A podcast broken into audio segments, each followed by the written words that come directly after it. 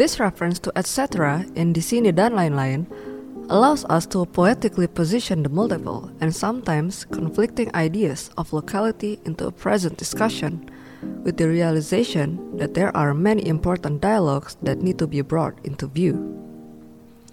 In this section, we are presented with open ended questions and juxtapositions, tradition and modernity, past and future, west and east, bravado and innocence, social and personal.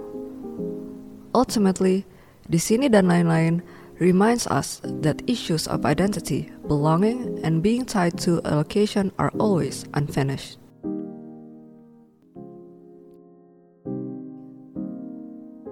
The ongoing processes of cultural adaptation and evolution is the theme explored in Lingga-Yoni, a painting by Indonesian artist Arahmaiani.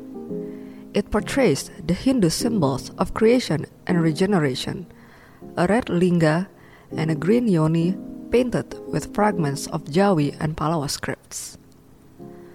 The Pallava script is a form of Javanese writing that emerged from the Hindu cultural influence on Java since the 7th century.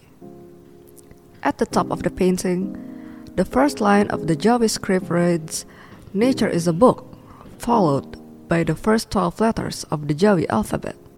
The Pallava script at the bottom of the painting represents the first line of the Jambu epigraph in West Java, which reads, Courageous, honest in fulfilling his duty, leader of mankind, His Excellency Purnawarman. This quote refers to the king of Tarumanagara, a Hindu kingdom from the 5th century Java. When Arahmaiani included this painting in an exhibition titled Sex, Coca-Cola, and Religion at Rumah Seni Oncor in Jakarta in 1994, it sparked controversy. Demands were made for the painting to be taken down and the exhibition to be closed.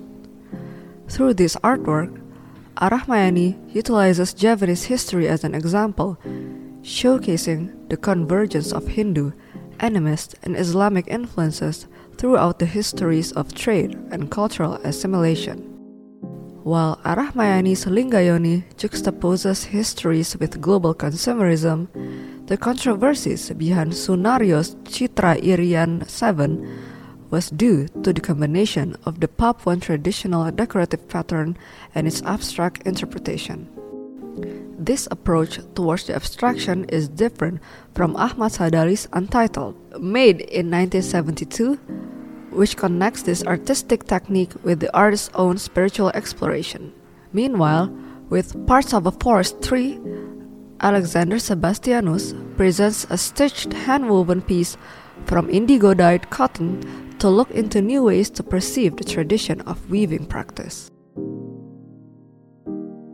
The combination of abstraction and figurative style is present in the works of Jeihan Sukmantoro, an Indonesian artist who is best known for his distinctive figures with blackout eyes.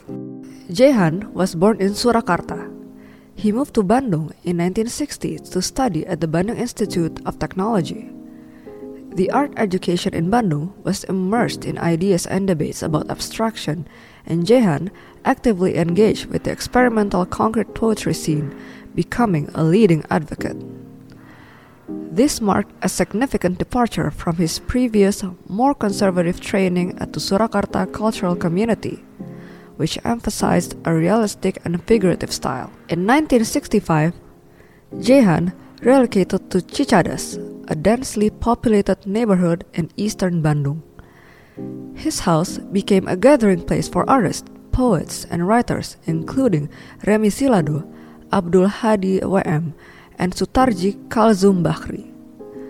During these gatherings, Jeihan often created portraits of his friends and neighbors, capturing them in natural and relaxed poses. This blacked out eyes motif originated in 1963 with his self portrait Seen Before You, Aku, or Me.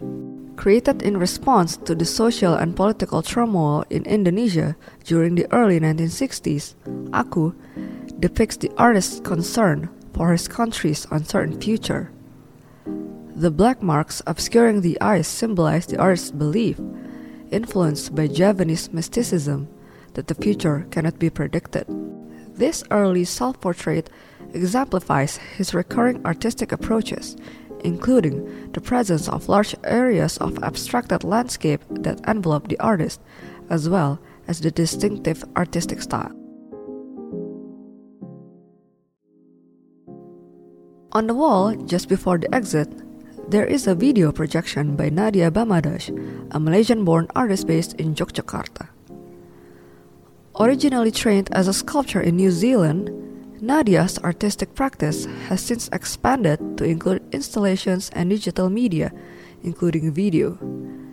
With a profound interest in humanity, particularly marginalized communities and histories, her recent works delve into the intricate social dynamics within Indonesian society.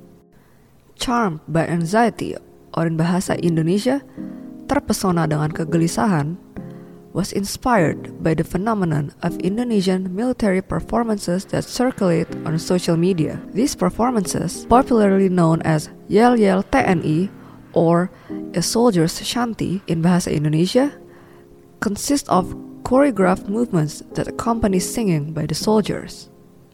The artist collaborated with Pasukan Garuda Merah or the Battalion Infantry 403 Yogyakarta who choreographed the performance for this video. They performed Terpesona, a love song that describes ideas of charm and attraction. The innocence of the lyrics and the muscularity of the military performance are almost contradictory. This tension is amplified by the film's slow motion, which both accentuates its bravura and furnishes the dance with a dreamy languidness.